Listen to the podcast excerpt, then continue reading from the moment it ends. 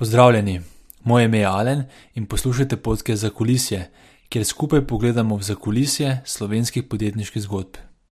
V 37. zakulisju sem se pogovarjal z Luko Marčetičem. Luko, verjetno vsi dobro poznate, je eden bolj prepoznavnih slovenskih igralcev, režiserjev in scenaristov in je najbolj znan po nadaljevankah Dan ljubezni v dvoje ali pa po filmu, ki je lani imel res velik uspeh in sicer prhostar. Torej, kot opazite, smo ponovno šli rahlo iz podjetniškega sveta, tudi ogromno tem, ki smo jih z Luko pokrila, so tudi aplikativne za eh, podjetnike. Eh, tako da smo se naprimer pogovarjali o tem, kako se je on odločil za svojo kariero in tudi o poslovnem vidiku filmskega sveta oziroma industrije. Zdaj, nekaj specifičnih tem, ki so se jih eh, dotaknila, so naprimer proračuni slovenskih serij in filmov, in smo to malo primerjali z ameriškimi. In smo pogledali, če se spoh da preživeti z delanjem eh, filmov in serij v Sloveniji.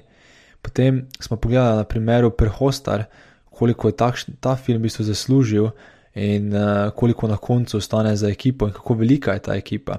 Da Luka je tu malo primerjal v bistvu snemanje filma oziroma filmsko ekipo z start-up ekipo. Na koncu smo imeli tudi zanimivo debato o timingu, kakor tudi o tem iskanju ravnotežja med kvaliteto in hitrostjo. Zadnje čase podjetniki veliko poslušamo o tem, da treba fail often, fail early, torej da čim hitreje iteriramo in spremenjamo zadeve. In točno o tem smo se z Luko pogovarjali, kje najti to ravnotežje med to hitrostjo in kvaliteto. Toliko v vodo, sedaj pa želim prijetno poslušanje. Kul, cool, Luka, Kot prvo, hvala, da si vzel čas. Hvala tebi za povabilo. Z velikim veseljem. Um, veš, ki mi začnemo vedno te zgodbe. Um, Pravimo čist, čist na sam začetek, ne? torej ljudje te danes poznajo kot Luko Marčetiča, kot uspešnega režiserja, igralca in podobno. Ampak mene zanima, veš, kje se prične tvoja režiserska ambicija ali pa igralska ambicija, odkot vse to izvira. Um, ne, ha, zan, ne vem, zanimivo mi je to, da ni mi nikoli tako kliknilo v življenju, pa sem pomislil, ah, jaz bi zdaj to rad počel, pa vsaj probo. Ampak je to že bilo skozi nekako v meni, že od osnovne šole in pred osnovno šolo. Um, sem hotel nekaj delati s filmi. In pojma nimam, odkot mi to, zato ker nihče v družini ni, nima nobene veze s tem. In jaz sem kar že skozi, no, jaz bi rad bil igralec. Sem, s tem sem začel, s to mislijo. Ker nisem vedel, sploh, kaj še obstaja pri filmu, kaj sploh uh, režiser dela, da se filmi montirajo. To zdaj govorim v času še predosnovno. Um, igralec je pa i tak tisti, ki, ki ga takoj opaziš, ko gledaš film, zato sem hotel biti to. Pol sem se pa začel zanimati za te stvari, šele v srednji. Mm, zato, ker je tehnologija bila takrat še nedosegljiva. In takoj, ko je bila dosegljiva, to je bila tista prva kamera, ki sem jo dobil v roke, ki je imela še kasete in si jo lahko vštekel ja, ja. v računalnik prek um, Firewire. Ja. takrat je bil še Firewire. Um, čeprav tudi USB, ampak nisi mogel prek USB uh, dobiti najviše kvalitete. Um, ošit, zdaj sem kar zapadel v neke tehnikalije. Uh, ja, vidim, so bili 320, 240, ne, ne bom šel to. Ampak, uh, ja, uh, tako, ko je bila dostopna, sem prejel kamero v roke in videl, da je v tem full več tega, kot kar samo igra. In sem začel uh, mm. raziskovati. Veš, kaj sem se zdaj spomnil? Sploh danes nisem na tega pripravljen. Sploh se nisem spomnil, ko sem pripravljal intervju, ampak jaz sem v osnovni šoli, smo imeli mi um, kot neko šolsko TV. Aha. In se spomnim, da takrat bil kamerman. in smo imeli tiste res velike, velike kamere, veš, tisto, ko si res dal tisto veliko kaseto note. Kje ste to imeli? V šoli? Ja, v osnovni šoli, ja. Kje je bila to osnovna šola? Osnovna šola brata Polančiča v Mariboru. Koliko si bil star sploh? Kako sem jaz star, čakaj, da premislim. 27. 27, ok. ja, ja. Ne, to je bilo kar, če pogledamo tako, to je bilo kar napredno za takrat. Ne? To je zelo napredno, saj slišiš se mi tako, da ima osnovna šola neke televizijske kamere. Ja, sploh se nisem zavedal. Ampak, dobro, veš, kaj me zanima? Kako torej, kak se je ta želja tvoja, igralska in režiserska, sploh kazala? Veš?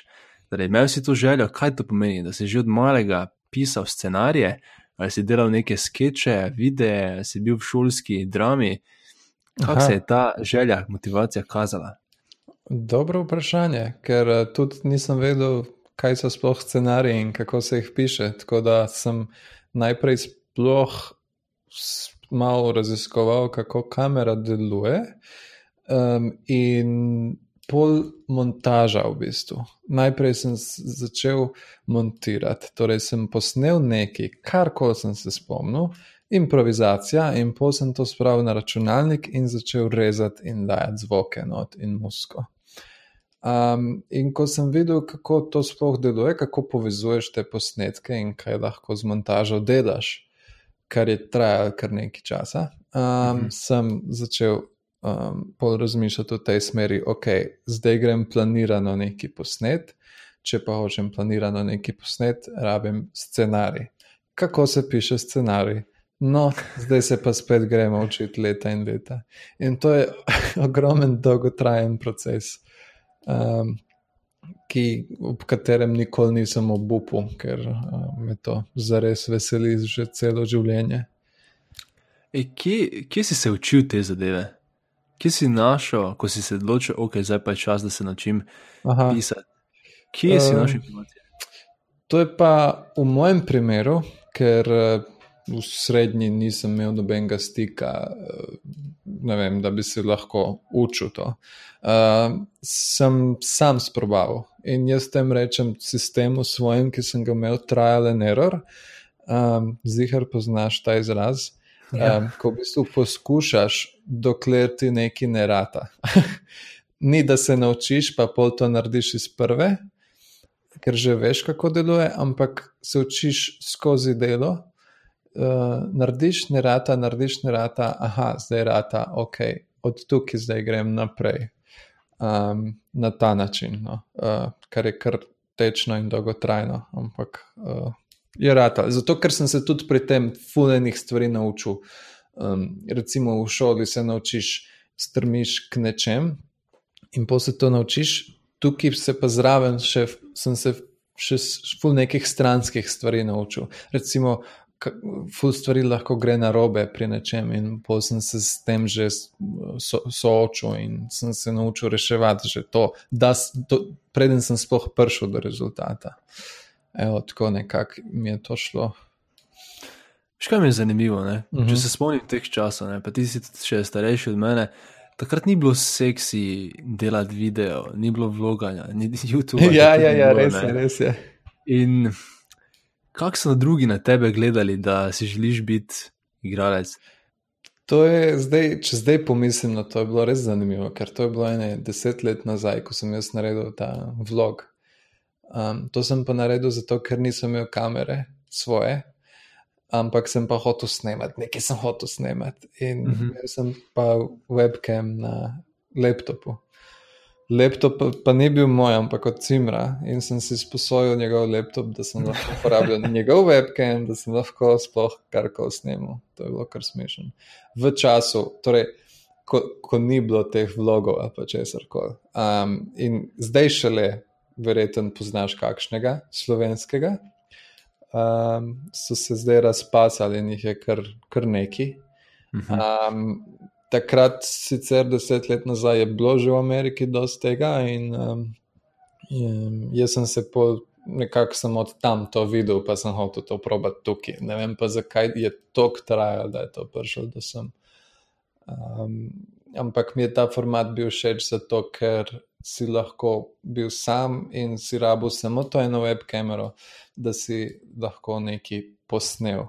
Ampak ni mi pa bilo zanimivo kar nekaj snemati, ampak sem že pri vlogih si pisal um, koncepte za vsak vlog posebej in, in točno besede in kako bo to zmontirano. Ni bilo to nekaj improvizirano. V bistvu nikoli ne delam nekaj improviziranega, uh, ker se mi ne zdi, da sem dober v tem.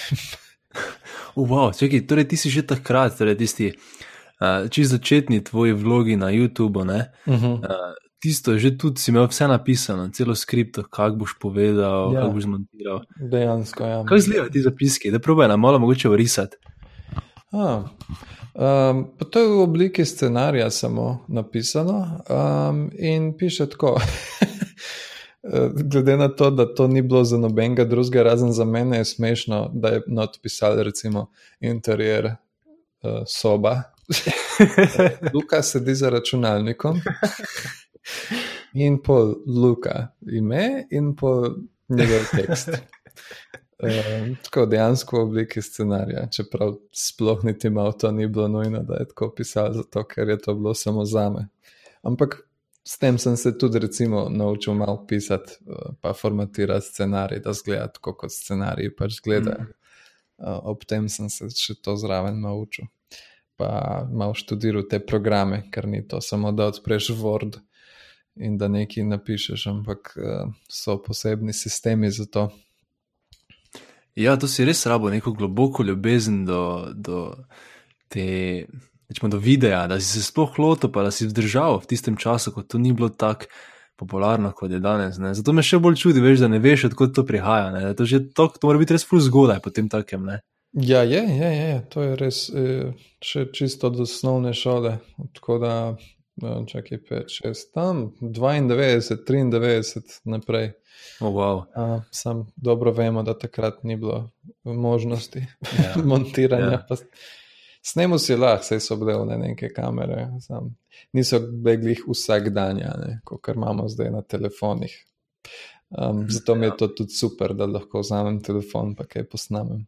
Kar tudi še vedno dejansko počnemo, vsake toliko, pa dam nekaj na Facebook. Mm, pa, pa, če kaj na Wine še vedno daš, vem en čas, ko sem Wine uporabljal. Za vse tiste, ki ne poznajo Wine, to je bila, ali pa še vedno taka mobilna aplikacija, kjer mislim, da si snimal 6 sekundne videe. Ne? Uh -huh, uh -huh. Še vedno počneš? Vajna ne, zato ker ne obstaja več. Ni več. Ne? Um, Twitter ga je ugasnil, kar je bila Ja. ena velika tragedija, zato ker je to bilo mega popularno. In je v bistvu vajen razlog, da sploh imamo te spletne videe, kakršne imamo danes, v smislu Snapchata in Instagrama in tako naprej. Um, ampak niso mogli konkurirati, zato ker uh, jih je Snapchat povozil, in Instagram pa pa še Snapchat povozil, tako da niso Ja. več šanse. So pa res uh, ta koncept unesli not in vsaka čas za to. Ker bila je tudi prva ta varianta, da si lahko, ker ponavadi, mislim, se je še danes tako nekako, da ko prižgeš kamero, pa nekaj snemaš, posnameš ta, klikneš rec, posnameš, pa ta, to daš pol gora. ne. Vajen ti je pa dovolj, da ti, dr- da ti posnameš en klip, pa mm -hmm. nehaš, pa pol spet posnameš naprej in to se snema že kot drug klip in pol kot tretji in četrti in ti si lahko dejansko že montiral on the go, uh, kar ti je dovolil, mm, da, se ti odprejo te neke kreativne čakre in so pol ljudje delali nore, nore, nore stvari s tem. Uh, šest sekundne skeče. Ja, ja. nori. Jaz sem bil full fan tega. Ja, ja, vključno s tabo, ne? teda vse poslušalce, ki zanima, kaj je Luka ustvarjal na vajnu, je zdaj sicer na YouTubu vse skupaj. Ampak mislim, da je prav neka kompilacija tvojih videov. Ja, je, mislim, da je nekdo naredil dejansko to. Ja, Jaz sem ja. naredil eno verzijo, pol pa je še nekdo to naredil. Ampak Ja. drugače so originali še vedno uh, arhivirani na Vine sajtu. Mm. Vine.co slash Luka Marcetic, meni se zdi, da tako nekako gre link. Je ena stvar, torej, ki zdaj izhaja iz tega trenutnega pogovora, ta, da si kot nek samo ukne, kot si Mhm. rekel, Uh -huh. trial and error. Ne? Uh -huh. In mene je kar presenetilo, ko sem ugotovil, da nisi šel na AGRTF. Ne? Agrafata. Ah, shit. AGRFT, tako. um, čuj, bi rekel, da te to omejuje, da nisi bil uh, na akademiji, ali je mogoče celo prednost? Po eni strani, mislim, vse ima svoje pros in cons. Um, jaz mislim, da sem se naučil, da sem ful bolj fleksibilen. um, kot če, bi bil, kot če bi šel čez faks. Pripravljen sem na sto in eno stvar. Um, in to vidim, to govorim zato, ker vidim pri teh, um, uh, ki so to študirali, da se pri enih stvareh ne znajdejo najbolj. Um, ampak po drugi strani, prav, torej faksa, je pa ta, da se res naučiš te stvari. Um, to je ena stvar, druga stvar je, da dobiš veliko enih priložnosti za snemati in s filmsko kamero, in pač dobiš budžet za svoje projekte, že na faksu, kar je zelo redka stvar v, v, Evrops, v, v Evropi, um, da ti faks to plačuje. Um, in spoznaš ljudi, kar je pa sploh še najboljša stvar. Uh, že na faksu, plus še po faksu in networkaš in prideš uh, dost prej do nekih rezultatov, kot kar če se samo uk. Tako se mi to zdi. Evo. Nekako. Ampak ni mi žal, da nisem šel. Um, ampak bi pa priporočil vsakmu, da, da gre to študirati, če ga to zanima. Mm -hmm. Pa da ima pogled, zdaj omenil si prednosti in slabosti. Začnimo najprej z tem, ko si omenil, da opažaš pri kolegih, ki so bili na akademiji, uh -huh. da se ne znajdejo pri enih zadevah. Kaj so te zadeve, pri katerih se ne znajdejo? Um, um, hm, zdaj en primer, točno najti. Ampak, pa recimo, imaš, ok, hočeš posneti eno sceno, um, kjer imaš neki notane. In nek poseben timing mora biti in mora vse štimati, zato da se tam nekaj vidi takrat in takrat. Ne, zdaj govorim malo na pamet, ampak um, jaz, ko sem snemal svoje stvari, uh, sem se hkrati tudi učil, ker nisem imel sredstev za nič, niti tehnologije, sem se pol, sem pol uporabljal neke tudi računalniške metode v, postu, v postprodukciji. In sem se hkrati še naučil postprodukcije zaradi tega, kar mi je pa dovolil, da ko snemam stvari, da malo drugače razmišljam o stvarih.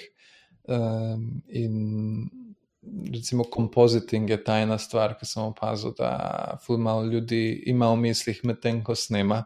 Kompoziting je pa ta tehnika, da ti lahko področunalniško nekaj spremeniš, nekaj zbrišeš, nekaj zamenjaš v sami sliki. Mm -hmm. To je ta mindset, ki ga imam jaz, ki vidim, da ga nekdo drug nima.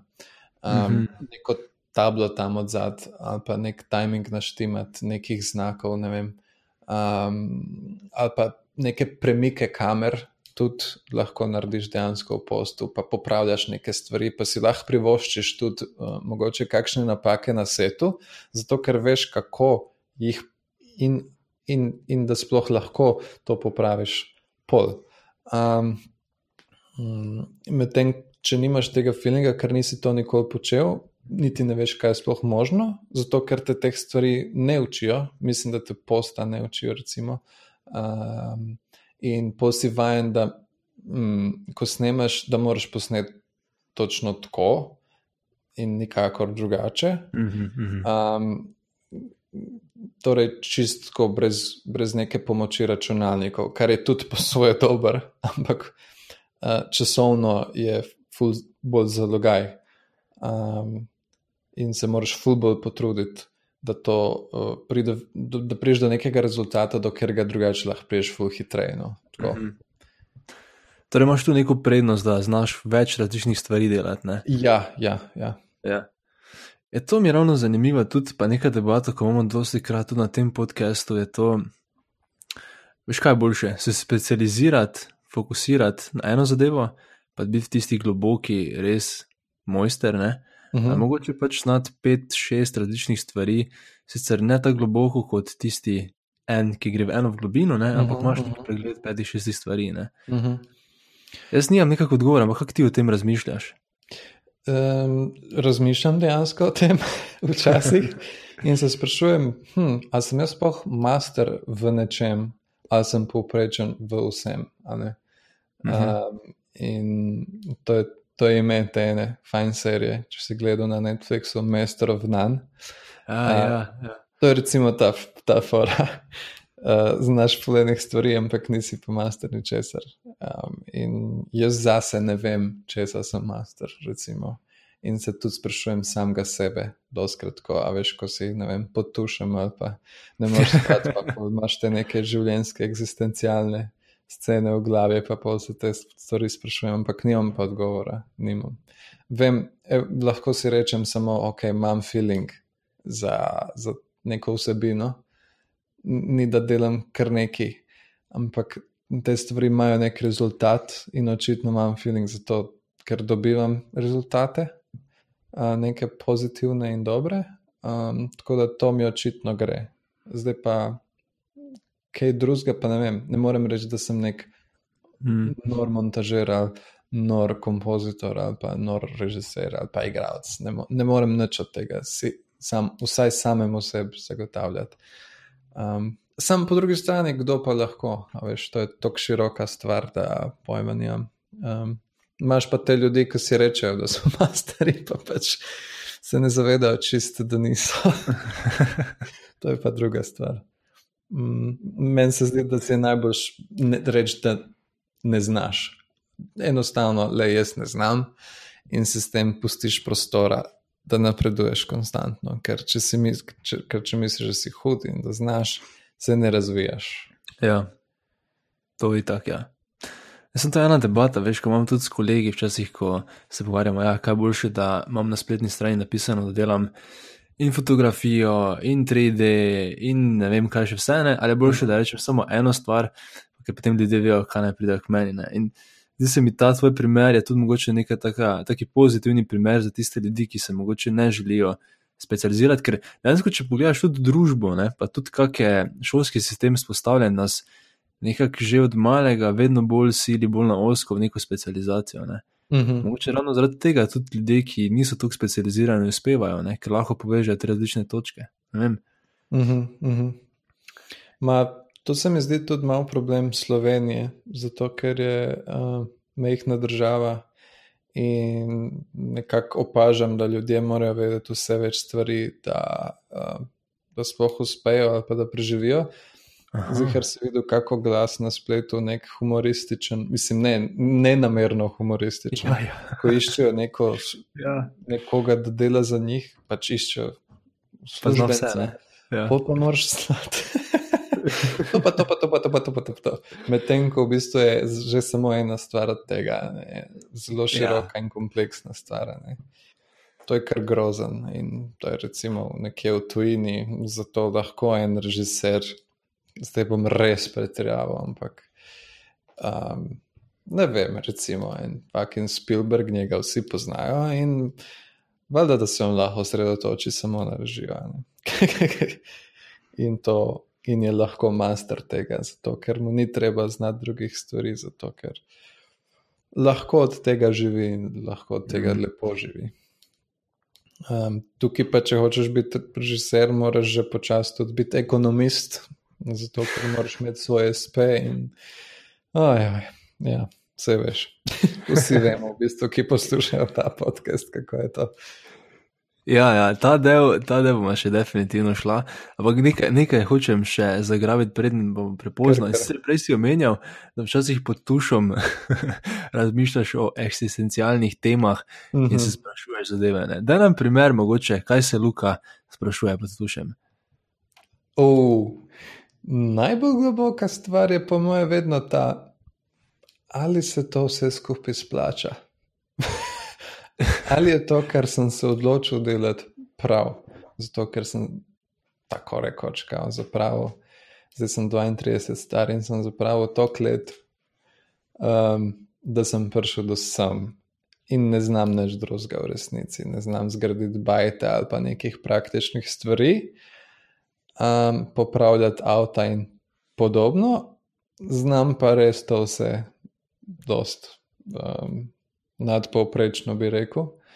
Um, in zdaj ne vem, ali sem se prav odločil ali nisem, ali je to v redu ali ni. No, večinoma to. No.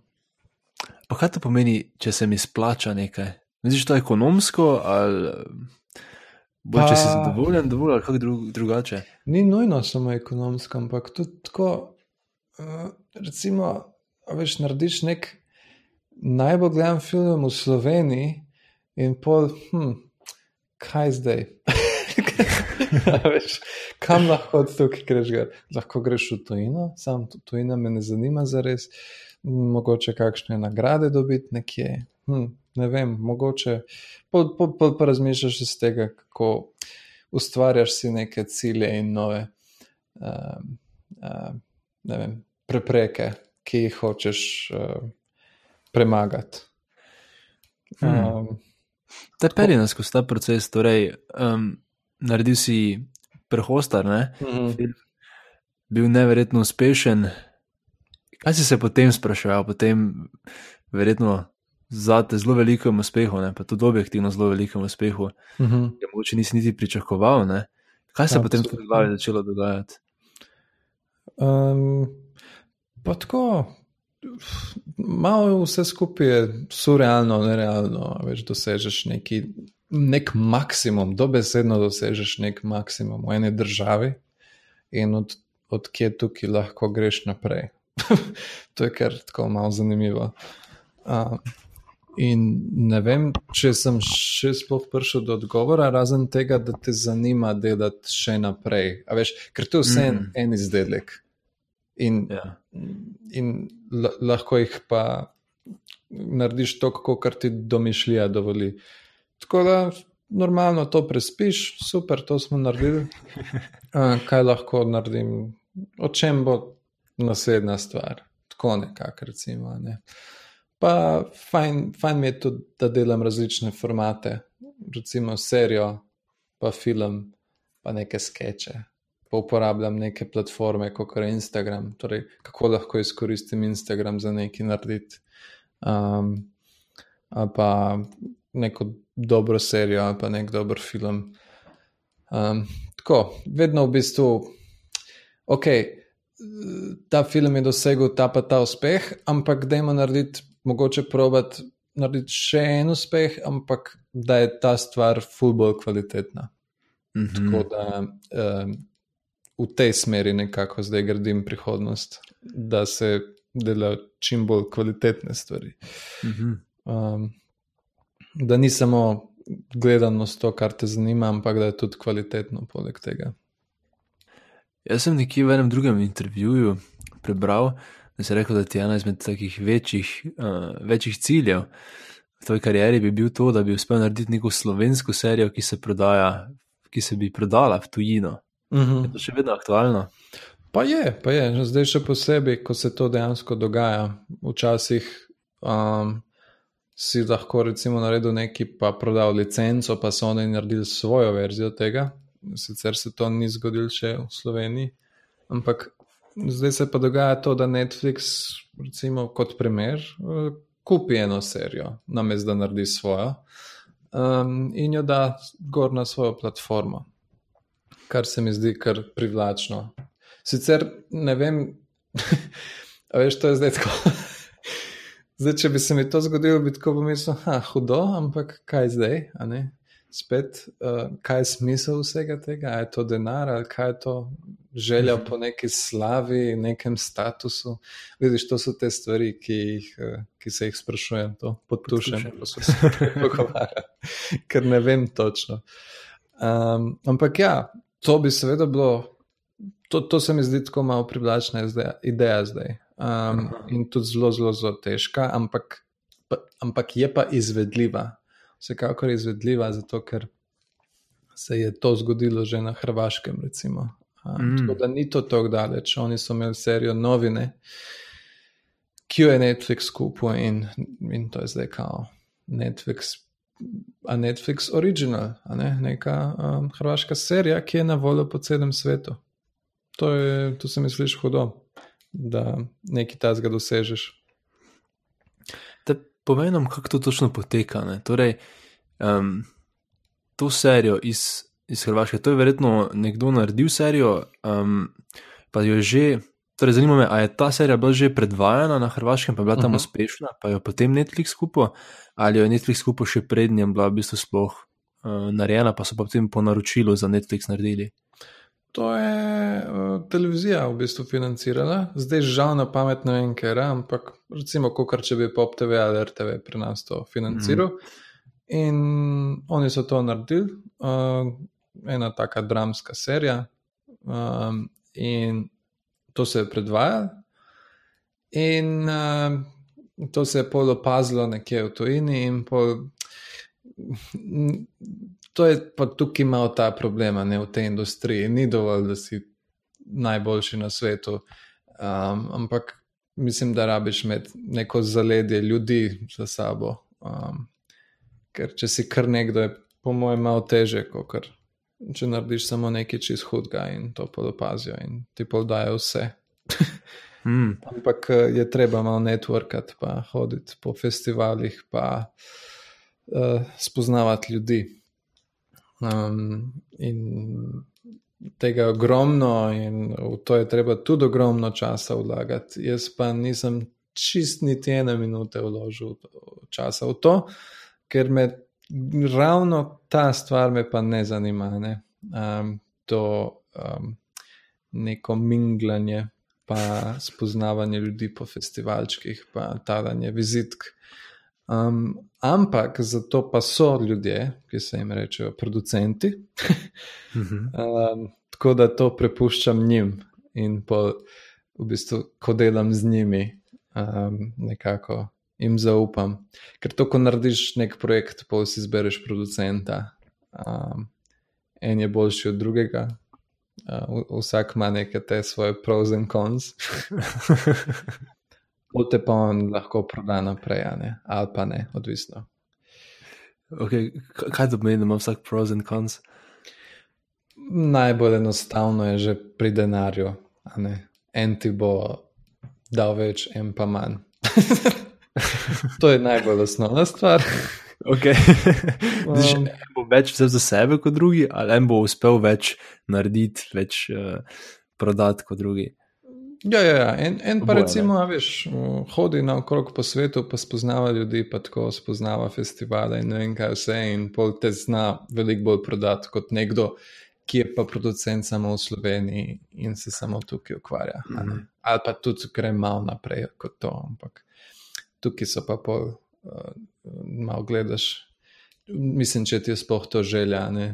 na, na kan recimo prid, ker ne vem, če se je kdaj zgodil ali pa v Berlin, Benetke, whatever. Mm. Um, tukaj so pa pol te producenti pomembni, ker če oni vidijo, ok, ta režiser, pa narediš nek film prvič v lifeu in nihče te ne pozna, in pol so tako. Oh. Torej, ne poznam. Uh, uh. Ampak, če, če je nekdo za tabo, nek producent, aha, tega producenta poznam, da vidimo, kaj je on to podprl. Tako nekako. Pa ti, kot režiser, zbereš enega producenta za daljše časovno obdobje, ki te um, predstavlja, ali ga ponovadi samo za določeno serijo si izbereš? Mm, jaz rad eksperimentiram v smislu, da delam z različnimi ljudmi, ker na ta način bolj tudi nekako spoznam ljudi in kako delajo. Um, in načeloma se ne zacementiram za enega, no, ampak. Je pa res, da delam večkrat z enim, mm, če smo v dobrih odnosih, če smo dobro delali, ker vse en, zakaj pa ne, ne. ker se lahko vedno opečeš z naslednjim, če greš z nekom okay. delati.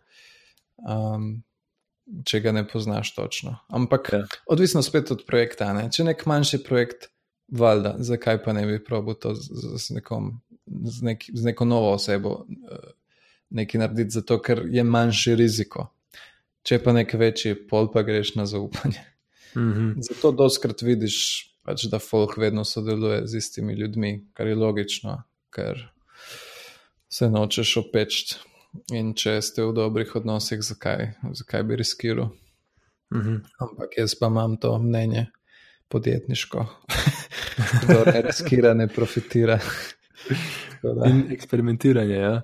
To je ja. kul. Cool. Torej, um, če gremo nazaj na ta Netflix, ne, uh -huh. kako kak ta deal zgleda? Torej, ti sproduciraš, narediš svojo serijo, pol Netflix pride do tebe in ti reče: hej, tu imaš kaj, kaj, kaj ti ponudi.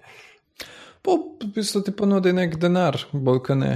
Um, in za tok pa tok časa. V bistvu kupijo licenco, um, ki traja recimo vem, dve leti. Zato ti odkupijo, dobiš denar in to je v resnici, mislim, da vse. Um, zelo osnovna stvar. Um, ampak dogaja se pa tudi, kar verjamem, da bo tudi enkrat do tega prišlo, ker poskušajo pač dominirati cel svet. Um, na ta način, da prihajajo v države in ponujajo denar svoj za produkcijo neke serije. Mm -hmm. Torej, mi bi radi imeli eno lokalno vsebino pri vas. Mm -hmm. Zakaj? Zato, ker če mi imamo lokalno vsebino, ekskluzivno na našem programu oziroma na naši platformi, bomo s tem dobili nove uporabnike. Mm -hmm. In zato, recimo v Franciji ali Nemčiji, uh, vlagajo denar v nemško produkcijo, zato da imajo tudi nemško produkcijo gor, zato da lahko privabijo Nemce gor.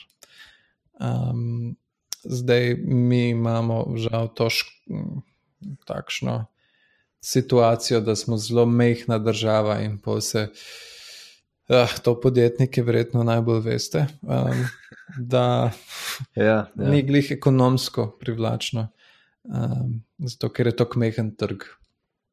Mm, tako da ne vem, kaj se bo tukaj še zgodilo. Ampak eh, nekako vidim, da, da, da se širijo, no? tako da mogoče pa kdaj pridejo tudi sem s takšno idejo. Ne vem, če veš, ampak o kakšnih številkah se približno pogovarjamo. Torej, vem, za dvoletni del, naprimer za te novine, koliko to denarja sploh dobi potem ena ta. Um, veš, ne vem, koliko dobi serija, ampak recimo za film um, ki ga recimo HBO Go odkupi.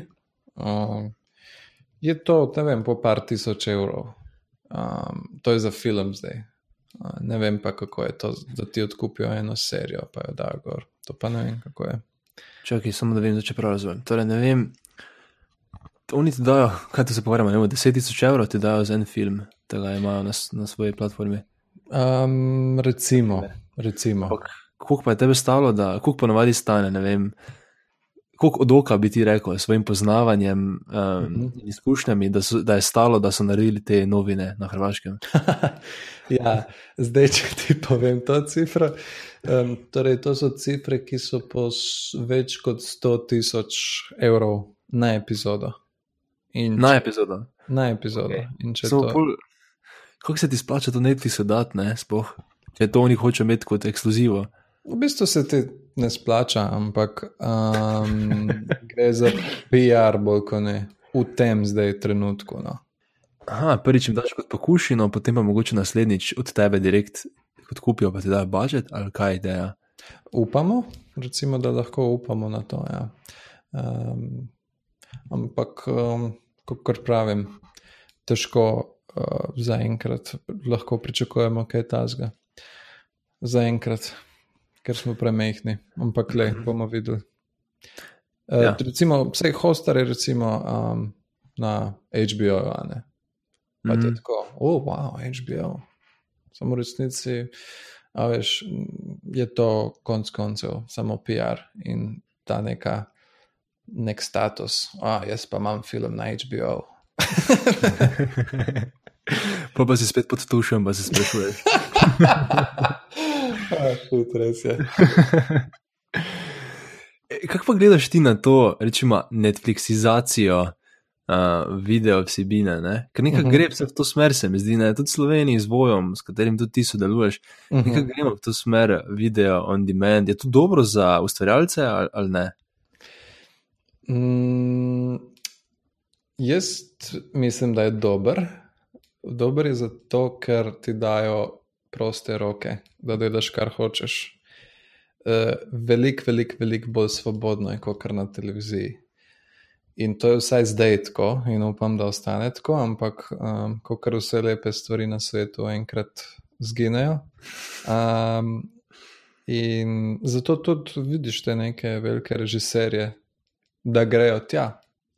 Um, tudi čeprav je mogoče manjši budžet, ampak grejo tja zato, ker jim je bolj privlačno, da, da delajo veliko bolj odprto.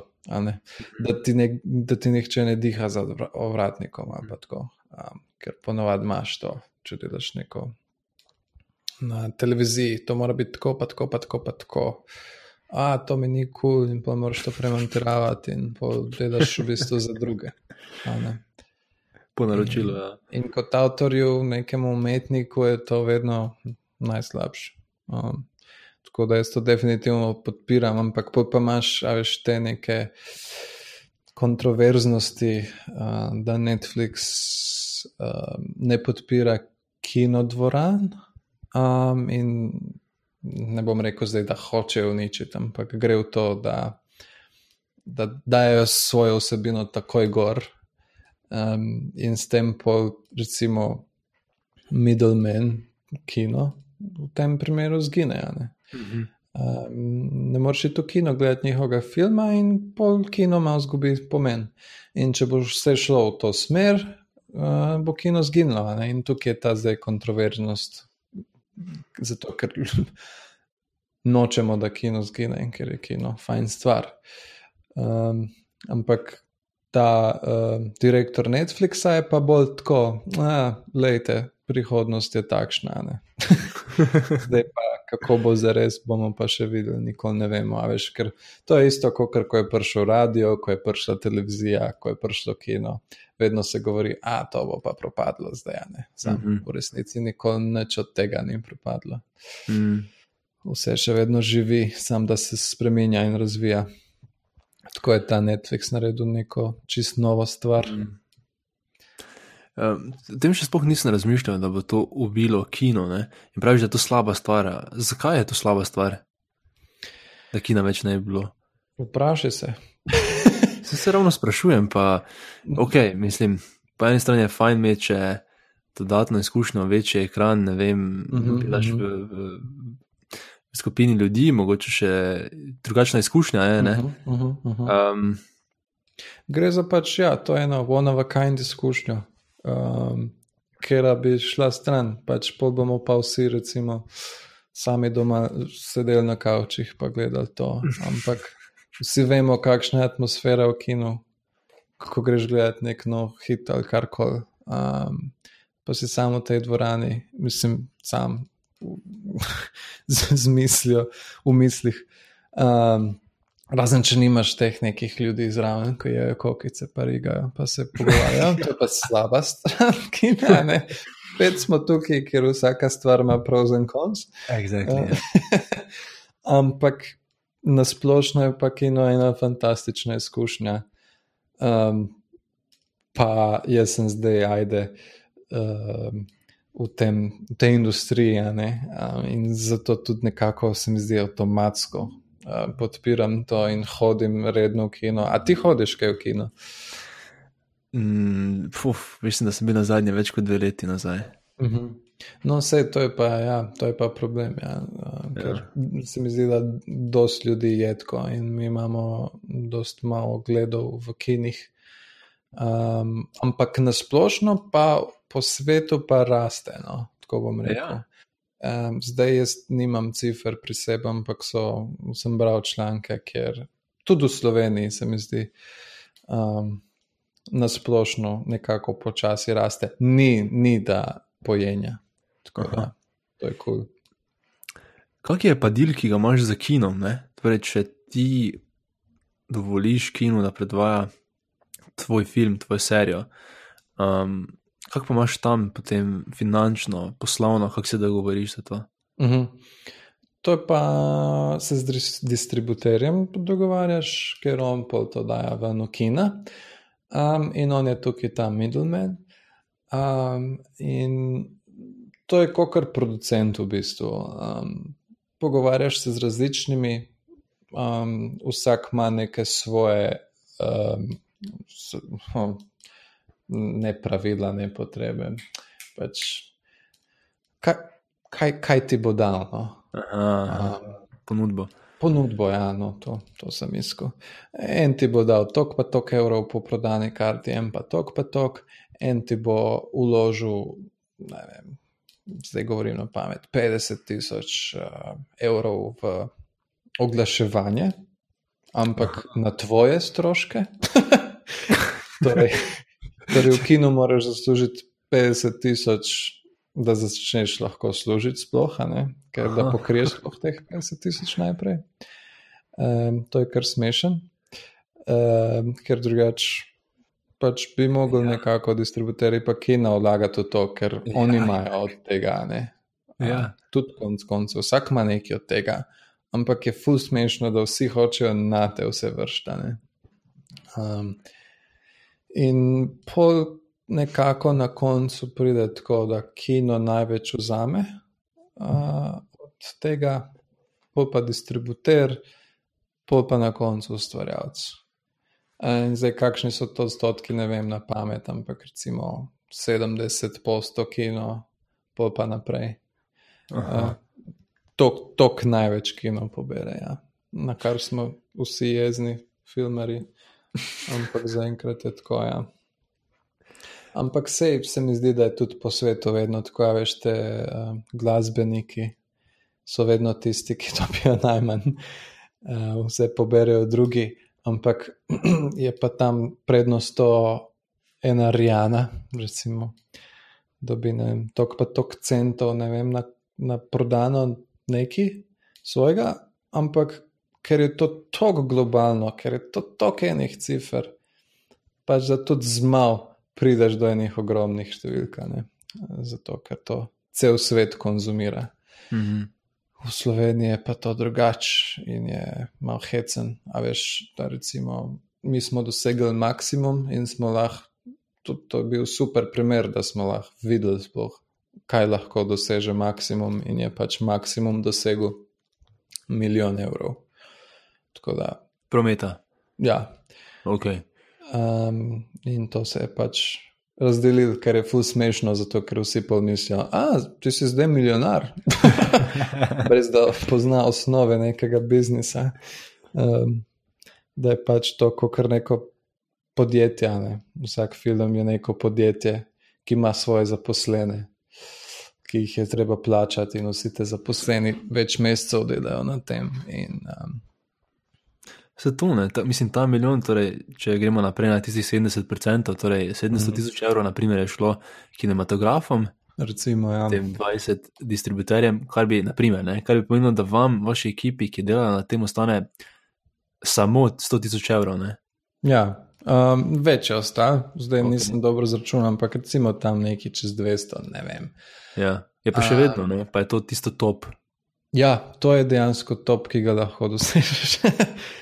um, in to je pa tudi nek minimum, ki ga dobiš, sploh tukaj za posnet nekega svojega celovečerca, uh, prvenca, če prvič delaš film. Uh, dobiš ajder med 200 in 300 tisoč evrov. Um, kar je v resnici zelo malo, če primerjaš s kjerkoli drugo državo, dobesedno kjerkoli, ker mi imamo najmanjše budžete. Um, pol pa eni večji filmi pa dobijo tudi do 600 tisoč. Uh Mhm. To je pa nek maksimum pri nas, um, kar je povsod druge smešen, ko poveš, koliko imamo budžeta. Ker vse vsi vemo, da druge se vedno pogovarjajo v milijonih, več milijonih. Ja. Tukaj je pa pač pod milijon. Um, tako da, ampak uh, vsi se skupaj se borimo, na, da se to poviša, ker živimo od državnega denarja. Dajmo samo poslušalcem sploh razložiti, kaj to pomeni, zakaj je 300 tisoč evrov malo. Veš, ker tak, če samo pogledaš to številko, se zdi velika številka. ne? Uh -huh. Zdaj, če moramo jo v kontekst postaviti, da vidimo, sploh, zakaj je to mala številka. Res je. Ker jaz sem tudi, ko sem začenjal, pa sem delal vse za ston, pa mi je bilo tako, jaz lahko vse za ston naredim. Ampak ne moreš pa za ston delati. Se ja, veš, v istem, jaz čist isto razmišljam, recimo za startupe, ko dobijo um, investicijo po več milijonov. Pa tako gledam, pa to je par ljudi, ki programira za računalniki, zakaj oni rabijo milijone za to. Recimo, jaz tega ne štekam, ne? pa nisem Ja, se dejansko nikoli pozanimal, kam gre točno ta denar, valjda gre zaposlenim za njihove plače in podobno. Ampak kaj to stane? Računalnik je, kaj mislim. Veš, Ja, ja, ja, ja, računalnik je 3000 evrov, pa je čist hud. Ampak oni pa dobivajo milijone in milijone in milijone za en app, stari. Tukaj Mhm. pa jaz ne štekam tega. Pa, pa še niso profitabilni, veš? Ampak dobro, to je druga zgodba. Ja, se to, se to. Um, Pol mi je pa hecno, ko se napadajo neki filmi, ki imajo pač bogih 300 tisoč evrov. Se pravi, kam gre ta denar? Kot sem rekel, vsak film je ena firma. Ne? Recimo, film je startup. Mhm. Um, in not imaš um, nekih 30 plus zaposlenih mesečno, um, in poleg njih so pa še 100 plus ljudi, um, ki delajo zraven. Um, to, to, to so, veš kaj, različne stvari, od mizarjev naprej. a ne. Mhm. Um, recimo, ti moraš zgraditi studio, in sploh da zgradiš studio, stane. Um, in postane oprema. Pač video oprema je drag šport. Jaz zdaj govorim, zdaj je to vse na profesionalni ravni.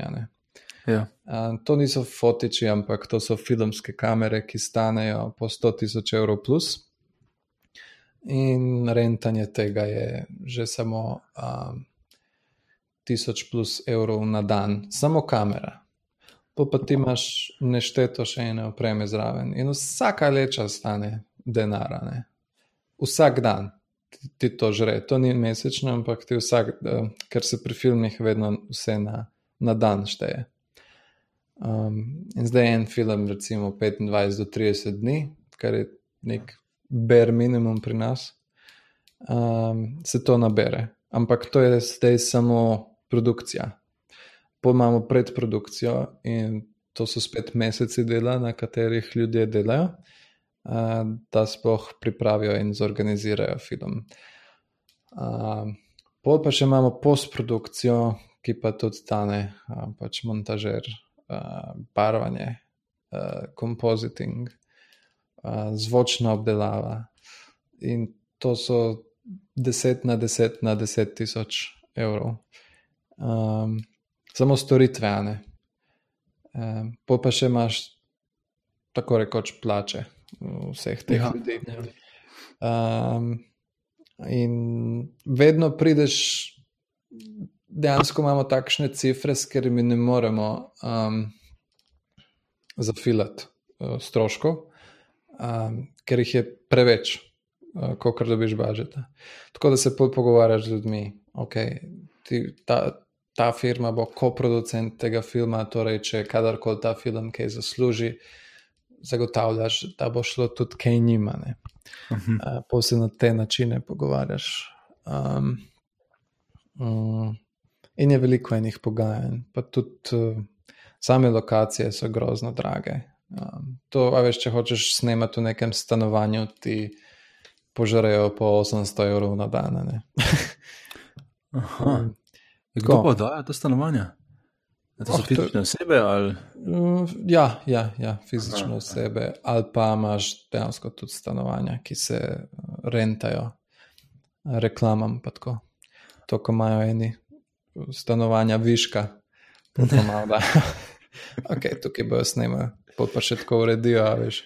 Pa je kar profitabilno, to je kar dober biznis. Ja. Da imaš nek, neko hudo stanovanje, ki ga zelo lepo opremiš, pol pa pač ponujaš za reklame. In reklame se dosti snemajo, in pa lahko kar računaš po 800 plus evrov na dan, da so notane. Um, praviš, da je 50% slovenskih reklam posnetih v enem stanovanju? ja, doskrat vidiš, da so na istih lokacijah. Sam uh, je pa fora tudi, da se jih preuredijo. Ja, ja ok. Se pravi, ni čudno, mislim, z vsem tem, kar si nam zdaj razložil, glede stroškov in budžetov, ni čudno, da hodijo um, slovenski tudi umetniki ven. Ne, ne vem, Miča Mhm. Horn Mhm. je šel na Polsko, zdaj je v Hollywoodu. Ne. Mhm, Um, mhm, zato mi je še tako bolj zanimivo to tvoje odločitev, da boš vseeno ustrajal v Sloveniji, kar mhm.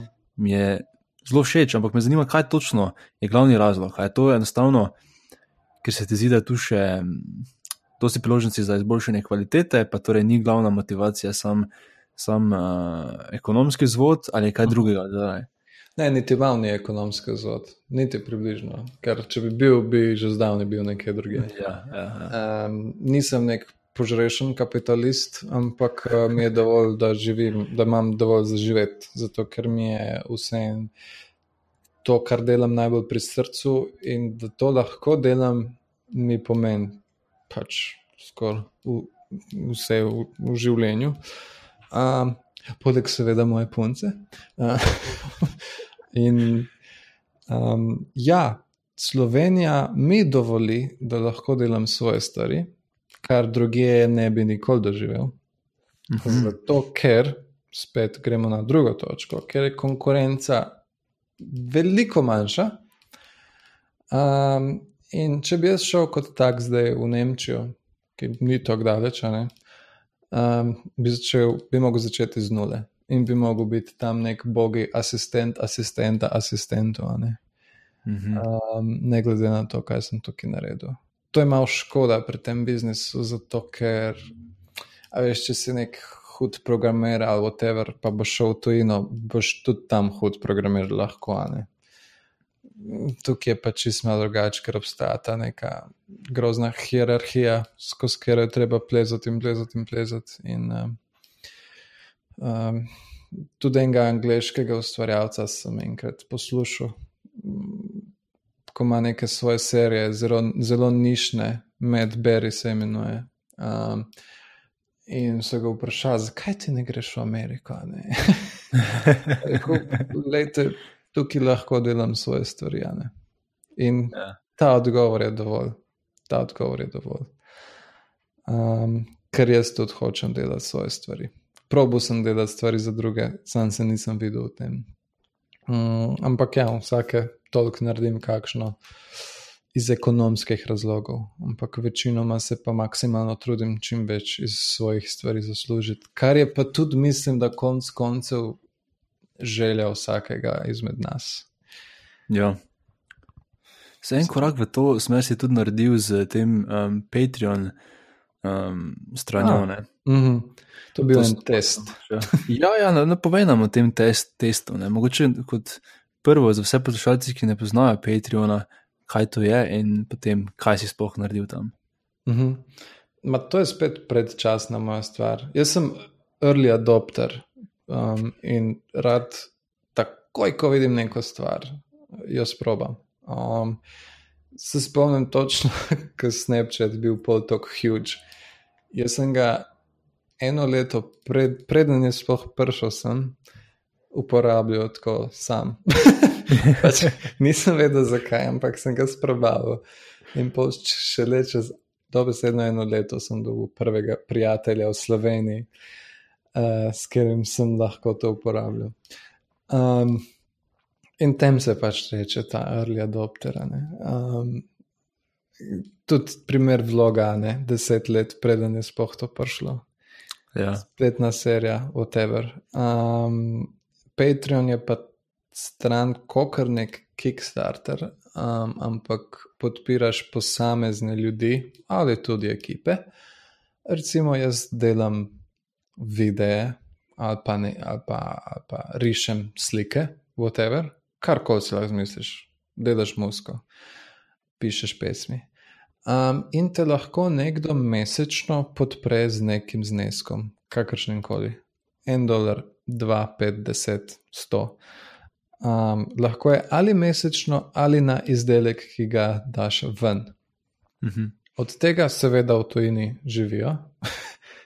Uh, pravim, seveda, v tujini. Um, zato, ker tukaj sploh nihče sploh ne ve, kaj Patreon je, kaj pa šele, da bi se kaj iz tega naredil. Um, isto je bilo s Kickstarterjem, ne? je kar zapoznalo, prišel sem. Um, in je super stvar za ene, ki. Vem, jaz bi rekel, da je to najboljša stvar za te neke umetniške ljudi, ki nekaj ustvarjajo. In pol ljudje radi vidijo in podprejo, in da ta oseba to še naprej ustvarja in ti vedno komi čakaš, da boš videl nek nov izdelek od njega in če mu boš dajal denar za to, oziroma če ga boš na ta način podprl, so večje možnosti, da bo to še naprej delo. Mhm. In to, če, če, po, če to počne 100, 200 tisoč ljudi, bo lahko živel od tega in bo lahko ta oseba to redno počela.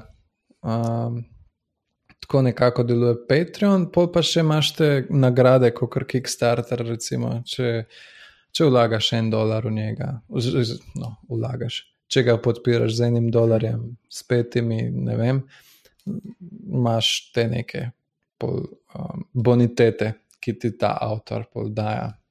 Eh, lahko ponujaš pol neke behind the scenes scene, če me podpiraš s petimi dolarji, in tako naprej.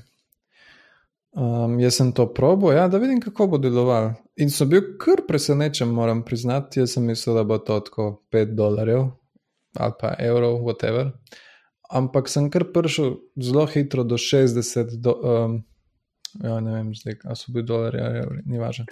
Um, na, na video. Ravno kar gledamo, 46 dolarjev na video, 18 patronov, ja, podpornikov. 46 je zdaj. Ja. ja. To je pa razlog zato, ker um, sem to samo sprobil in šel stran od tega. Um, in pol, seveda, tudi je nekdo skenil račun in tako naprej, pa se je zdaj zmanjšal. Um, zdaj so ostale neki, po mojem, spoh ne vejo, da imajo gor račun in povezano kreditno. da če bi dal neki noge gor, bi kar naenkrat videl, wow, nekdo mi je pa trgo denar. Uh, sam, če bi res to naredil spet, kdaj bi jih upozoril, samo to, da veste. Ko objavim tole, vam bo trgal, tako da odločite se, ali boste podporili to ali ne. Ja. Um, kar je pa spet fora Patreona, je to, da moraš redno delati, da, sploh, mm -hmm. da rasteš in da s tabo raste publika. Ne? In pač, če raste publika, raste tudi, um, da te, rastejo prispevki, te prostovoljni, rečemo jim tako. Um, in jaz, ko sem rastel s tem, pa to je trajalo kratek čas, ne par mesecev, pa sem prišel na 60. Samo veš, ti, če ti hočeš živeti od Patreona, bi rabil, hm, ne vem, tisoč evrov, recimo, ali pa manj, da bi lahko od tega živel, kar bi bilo čisto hudo. Sam dvomim, da bi do tega kadarkoli prišel pa tudi v resnici uh, mi ni najbolj do tega, da bi, re, da bi skozi mogel delati nekaj, ampak uh, zdaj sem se vse uh, več osredotočil na bolj resne projekte, večje. Ne. Mm -hmm. Ložiš kar nekaj časa v to, pa pol. Um, ta izdelek pride ven. V neko povprečje je eno leto dela ne, za en projekt. Koliko časa nazaj si ta Patreon naredil? Um, 2013, meni se zdi. Torej, pet let nazaj že to. Ja, ja tam nekje. Um, pa ne vem, koliko je to, kaj sploh zraslo v Sloveniji, ker tukaj je tudi še en problem, ta politika um, plačevanja ljudem za vsebine. um, tukaj smo še kar tudi zaostali. Zato, ker še vedno veliko uporabljamo torrente in downloadamo piratske stvari. Um, ampak se mi zdi, da gre na boljš, zato ker je vse fulbol dostopno. Včasih, če govorim iz izkušenj, nisi mogel kar tako priti do kreditne kartice, ki je bila edina opcija, da nekaj plačaš na internetu. Um, zdaj pa to itak lahko delaš z bančnim računom. Lahko PayPal povežeš in to vse deluje. Um, tako da definitivno gre na boljši, ampak še vedno imamo ta mindset, da si jemljemo stvari za ston, to pa je zato, ker imamo zaenkrat še zakone, ki nam tega ne preprečujejo. Medtem ko že v Avstriji, recimo, dobiš kakšen račun na dom, če kaj potegneš. Mm, ker znamo biti previsok račun. Ja. ja.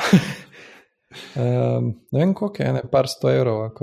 Ja, um, mislim, da za film, uh, tu v Nemčiji, no, ko jaz živim, sem slišal od kolega za film, da dobijo 800 evrov ali nekaj takega. Aj, ok. Ja.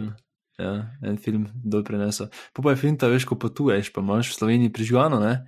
Zabi zgasniti, prideš v Nemčijo ali kamorkoli, pa se ti zloda, preden se spomniš in pole problem. Ampak biti res pazljiv. ja, ja, ja, sej. Zato, zato tudi ljudje sploh ne razmišljajo o tem, tako vsaj ne vem, kako je bilo včasih. Sem, jaz, ko hodim tako malo po tojini, ajde, čist specifično Amerikane, tam je to tabu. Ja, ja. Če bi jaz rekel, jaz sem pa to potegnil storen, to veš, kot da imaš neko bolezen. Ja, ja. Ta, pač ta mindset. Za stvar je treba plačati. Tako da ni tako, da boš pričakoval, da ti bo nekdo kar tako dajo keš. Malo je teže. Ampak me veseli, da spoh nekdo je in da so pripravljeni in da gre v to smer. No. Jaz mislim, da se spremenja malo ta mindset. Vse, vse, vse. Res gre na boljše. No? To je pa tudi zaradi dostopnosti, čist, čist zaradi dostopnosti in preprostosti. Jaz se spomnim, jaz sem piratiziral igre. Pač jaz sem uh, full igral igre na ja, računalniku in sem jih. To ni od nas. no, a ne da, a ne.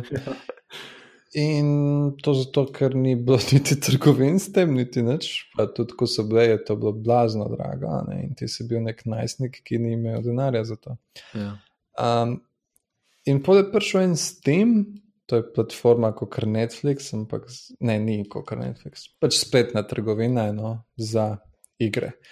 In ti tam kupuješ igre, in jih je milijon, in, je, in so dobesedno naredili enostavnejši sistem kot če bi spiratiziral. Torej, teže je spiratizirati nekaj, kot dobiti nek original. E, tam z enim klikom kupiš, z drugim klikom inštaliraš, s tretjim igraš. In mm. oni so pri meni naredili to, da od takrat, od leta 2007, nisem potegnil nobenega špila. Um, in isto je naredil Netflix, recimo.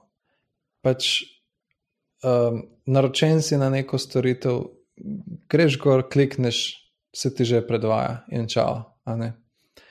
Um, mislim, da so to dojeli in da gre v to smer. mm. um, čim bolj enostavno narediš, tem, tem bolj boš privabil folk. Um, in, in sam zdaj pa spet to uničujejo, ker vsaka firma hoče imeti svojo platformo, zato ker nočejo, da nekdo jemlje njihovega keša in zdaj vsaka televizija ima svojo to streaming eh, platformo in že uničujejo to do neki lepka, kar smo imeli ta kratek čas. Um, ampak je pa hud sistem, ki sem ga slišal od Frenda, ne, da ni treba biti naročen na vse stvari. Pač, če nekje pride neka stvar ven, plačaš en mesec za to, pogledaš, prekineš naročnino, naslednji mesec se naročiš na neki drugega. Ja manj praktično, ampak deluje. Ja, malo bolj moraš spet razmišljati, pa eksperimentirati. Ne? Ma, ja. Ampak veš, kaj je zanimivo? Um, kot ustvarjalec, verjetno imaš ta, to konstantno vojno v glavi med tem, da hočeš, da te čim več ljudi vidi. Uh mhm. -huh. To pač za digitalno dobrino, kar film je. Lahko dosežeš pač, dobesedno lahko, če daš na YouTube, tega daš za stojn. Uh -huh. Torej, imaš tu neki boj med tem, da želiš, da čim več ljudi vidi tvojo umetnino, uh -huh. in med tem, da preživiš. Kaj se naj tu? Ker ti, ti si začela, ne? torej prva slovenska spletna eh, TV serija um, je bila na YouTubu za stojn. Ti je to mm, na nek način pomagalo, da si videl kariero. Ja. Če misliš to, ja, leta 2010, ja. ja. ja. Mm, ma to je za me bila bolj kot ne šola. Jaz sem bil tako naiven takrat, da sem mislil, da sem jaz dovolj kvaliteten, da lahko naredim TV serijo. Sam ni to dovolj kvalitetno za TV serijo. Mislim, je pa tudi res, da nisem imel premeniti budžeta, niti več, samo še vedno se mi zdi, da to ni bilo dovolj. Um, in to je tudi nekaj, kar bi priporočil vsem ljudem in kar jim priporočam, ne se takoj zagnati, pa iti na največje, ker ne bo dober, začni z mal, pa po pet po stopničkah. Um, ker od takrat sem 2010 do 2015, torej pet let pozneje, pa evo, pa sem neki naredil, a ne pol za vojo um, v dvoje serijo, ko sem pa dobil nek dejansko budžet, da naredim nekaj. In to je bila super stvar. Um, če bi to prej delal, bi bil slabš in ne bi mogel rasti, zdaj iz ekonomskega smisla.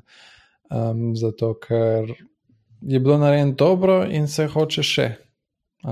In to je tudi nekaj, če hočeš strmeti, da tvoj delodajalec um, hoče še od tebe.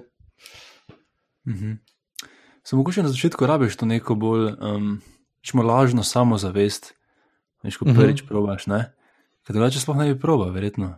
To je res, ampak to je pa tudi stvar poguma v bistvu. Um, ja. Ja, pogum pa rabiš definitivno. Um, da sploh sprobaš zadevo. Pa pa moraš imeti toliko samo kritike, da veš, a, a si naredil dobro ali ne. Mm. To dvoje je kar ena mm, pomembna stvar. Škaj še ena stvar, ko smo zdaj parkrat se dotaknili, tako um, bolj bežno, uh mhm. -huh. je ta timing. Uh mhm. -huh. Timing je ena zadeva, o kateri se v zadnjih oddajah za kulise ful pogovarjamo. Ne? In me zanima, če je tudi tu um, kaj zanimivega, kar se lahko naučimo iz, iz um, sveta filma. Um, koliko je, na primer, pri tebi pomembna ta časovna komponenta? Veš, ko, ko, v bistvu, ko, ko delaš nek film, ne, koliko uh mhm. -huh. paziš, da je. Ne vem, uh, se sploh ne vem, niti kje naj začnem. Vprašanje je, ali je tehnologija pomembna, da je malo pred časom, ali da je, da je tema taka, da je full prava za tisti čas. Um, koliko je ta timing pomemben pri delanju filmov in serij? Zdi se mi, da je zelo pomemben, um, zato ker um, moraš pa tudi imeti veliko sreče, kar je žalostno pri tem. Zato, ker ti, ko dobiš neko idejo, pa dokler jo uresničiš, bo trajalo več let. Um, to zdaj govorimo o filmu. In recimo, ti, če greš zdaj delati film o imigrantih, um, bo mogoče ta tematika čez par let že mimo in boš popušil. Mm -hmm. um, bo pa se. Glej, zdaj imamo en primer, odličen primer, slovenski film Posledice, ki bo oktober v kinu. Govori o um, eni aktualni temi, ne vem kako je to po slovensko, toxic masculinity.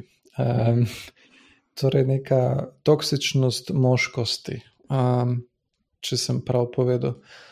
Um, in In to je tematika tega filma. In on se je spravil to delati par let nazaj. Zakaj? Zato, ker ima osebne uh, izkušnje.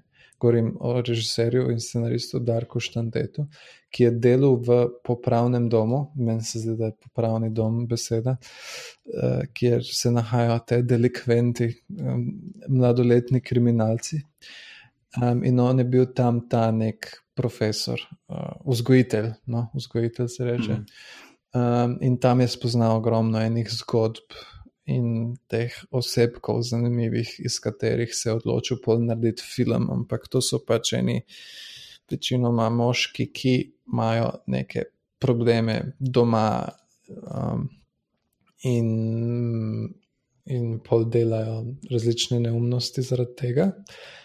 Um, in on je pol došel delati, ampak kar se je zgodilo v teh letih, ko je on to delal, je ta tematika postala ful um, uh, aktualna. Od tej mm -hmm. moškosti. Ne. Jaz moram dokazovati, da sem moški, ne, ne, ne, ne, ne ampak kot taksi, pač fulkreten. Um, tukaj v tem filmu pa so tudi takšni, ampak imajo pa to neko drugo skrivno plat, kjer sta ena, dva geja ne, in pa se ljubčka tam pa tako to skrivata. Um, in, ampak vmes sta pa tako največja bulja, pa fajta, pa da veš tako. Um, in se to skriva, kar naj ne bi bila skrivnost v, v lifeu, naj bi to bilo nekaj najbolj navadnega na svetu. Uh, in o tem govori film, in kar se je zgodilo v pravočasnem času je prišel ven. In, in, in, in je šel na festival v Toronto, kjer je en večjih marketov za filme, tam so ga pohopsali, ker, ker je tudi dober film. Um, ampak je pa tudi smešen, da tudi če ni dober film, pa je tematika, kao ful aktualna, ga bojo vzela, ne, doskrat, kot sem videl.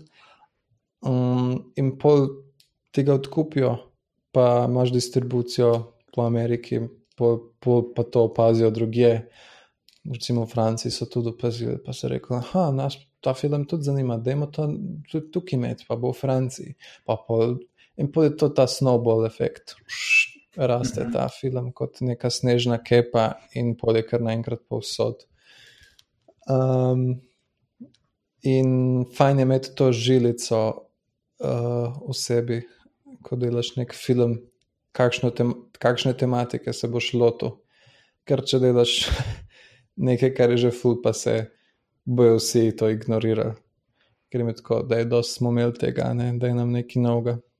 Če je pa aktualna tematika, je to vedno najbolj zaželeno. Um, ampak, kot sem rekel, moraš imeti malo sreče, ker moraš tudi malo napovedovati, ker tok traja, da narediš nekaj. Recimo, v preču tri leta se mi zdi, da traja, um, da narediš spoh to stvar. Tako da upaš, da v tem času ne bo um, ta tematika že pa se. Če pogledamo tvoje filme, pa serije, uh -huh. ki mhm. misliš, da ti je ta timing najbolj uspel, pa zakaj? Ma jaz imam mm, fultko vsakdanje, pa univerzalne. Um, pa ne gledam nikoli na te timinge. Um, ker imam, kot si že mogoče samo opazil, ne vem, neke ljubezenske zgodbe, whatever. Um, in in noč so te neke, um, neke primeri situacij, res vsak dan ki pa nikoli ne bojo umrle.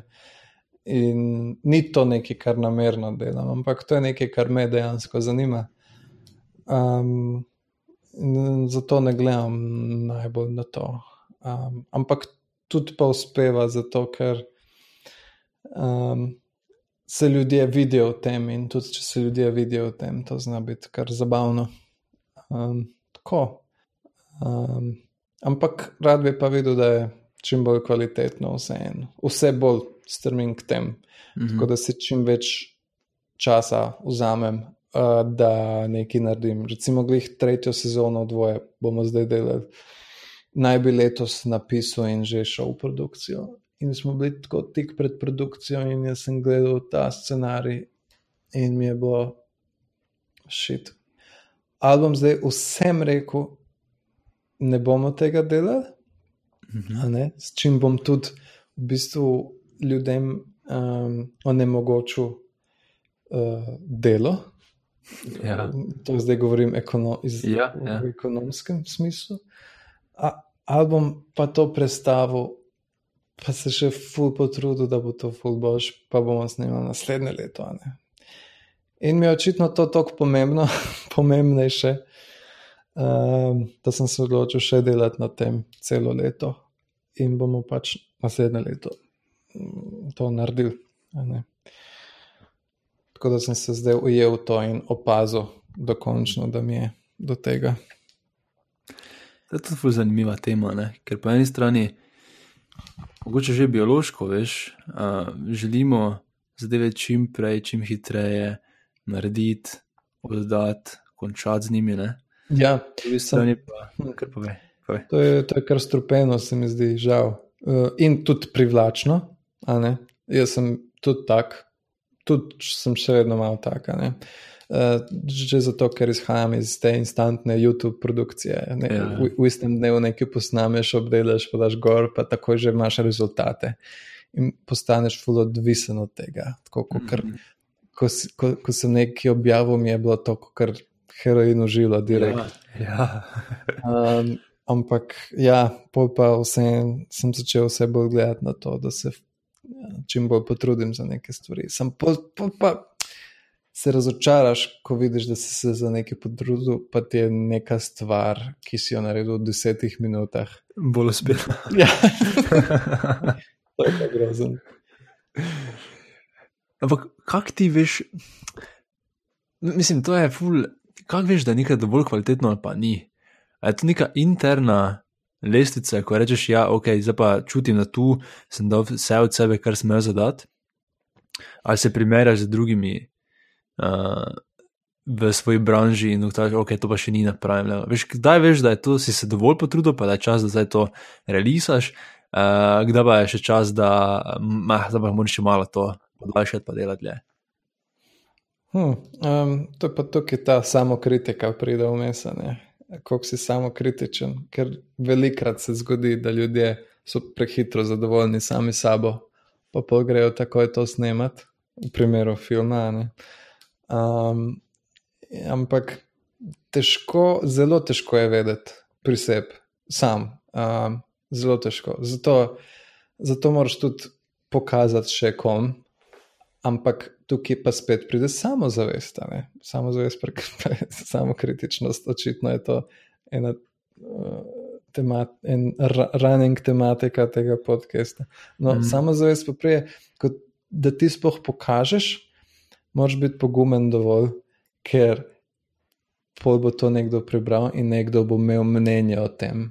Ja. In po se ti ful prestrašen, a je to dobro ali ne. In po se bojiš. In če se bojiš tega, raj ne boš pokazal, ampak boš, ma ne, to je vse, to je dobro. Čeprav v resnici mogoče ni. Ampak spet, fajn je biti tako samozavesten. Jaz to priporočam zdaj, ne, da se stvari pokažejo, da dobiš še kakšno mnenje, ena, dva, tri, štiri, pet. Uh, pa ne samo mnenje, ampak tudi kakšen nasvet, da nisi tako stuck up ali pa da nisi tako egotripen, da si pustiš toliko prostora, da dovoliš nekomu, da ti zdi se zadevo in da si rečeš, ah, imaš prav, tukaj, tukaj popustim in si rečem, ok, res tukaj nisem, to ni dobro, to bom še delal. Um, in ja, veliko je zihar, poznaš nekih ego-tripanih ljudi, ki pač uh, so zelo tudi samozavestni v tem smislu, da jaz to delam tako, to je dobro, jaz ne rabim nobenega, gremo delati, pol pa popuši, pol pa dobiva fake komentarje od ljudi. Wow, ja, dober si naredil, dober, pol pa tako obrnejo hrbet, oh, fuck, a se vidi to sranje. to je pa problem v Sloveniji, veš, ko se vsi poznajo med sabo, pa ne upaš, ker ker na glas govoriti enih stvari. Sam jaz podpiram, ja, iskrenost, zato ker s tem pač bojo nastale boljše stvari, se mi zdi.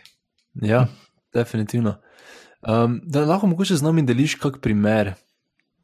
O, naprimer, to, ko si prej govoril, da si se odločil, da za eno leto zamakneš produkcijo.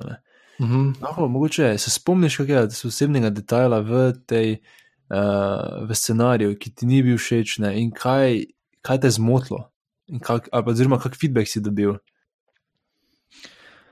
Um, naredil sem outline, torej cele sezone um, z enim z, z sodelavcem in sodelavko. Um, in ko sem bral to vse skupaj, je, bilo, je bila, mislim, ene stvari so dobre, valjda, tako zabavaš se, wow, to bo hudo. Sam, če gledaš ta The Big Picture, je Fakt, to je samo ena ogromna solata vsega.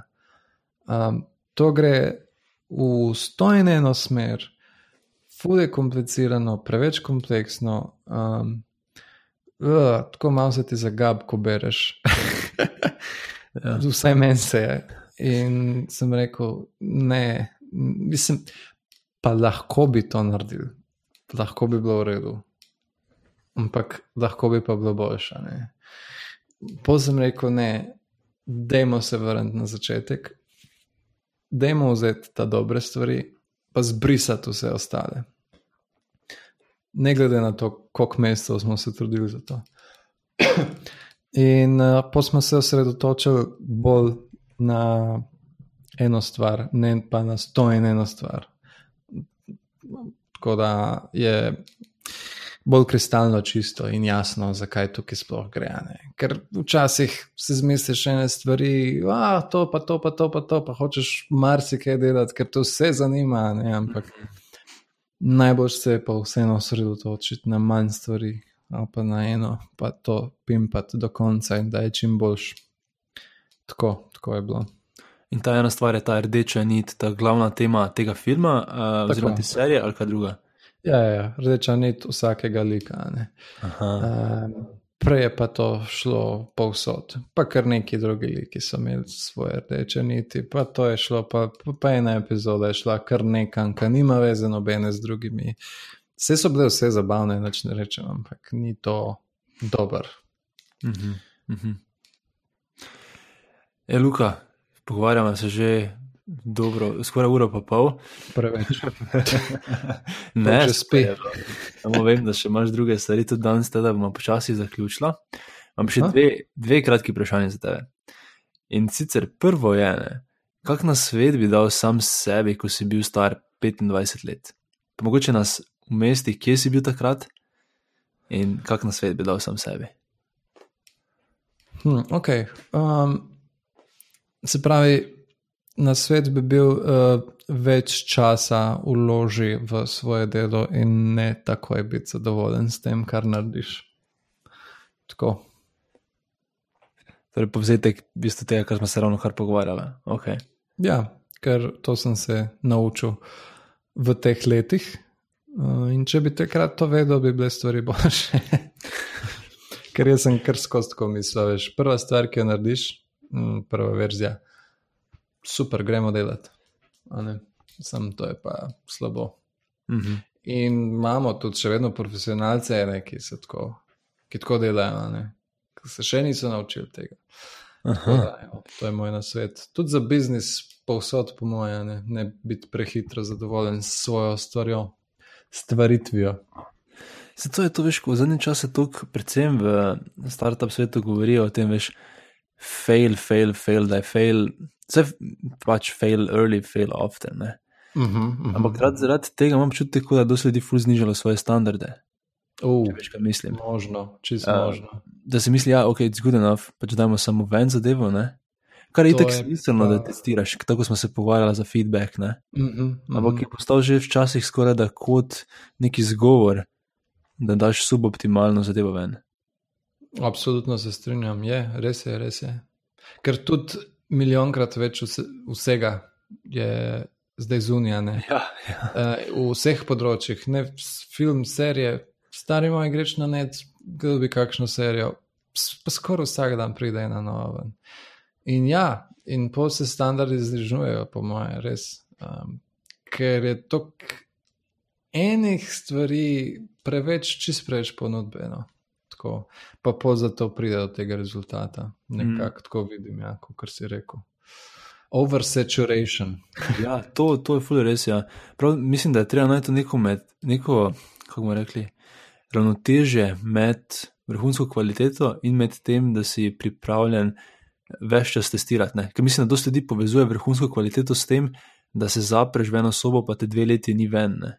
Uh -huh, uh -huh. Da je bolj, tako si rekel, da ta feedback, da veš čas je odprt za iteracije, da se to dvoje povezuje bolj, uh -huh. bolj smiselno. Ne? Ja, ja, ja, tako da ja. končam jaz moj monolog, Lej, še zadnje vprašanje za tebe. Uh -huh.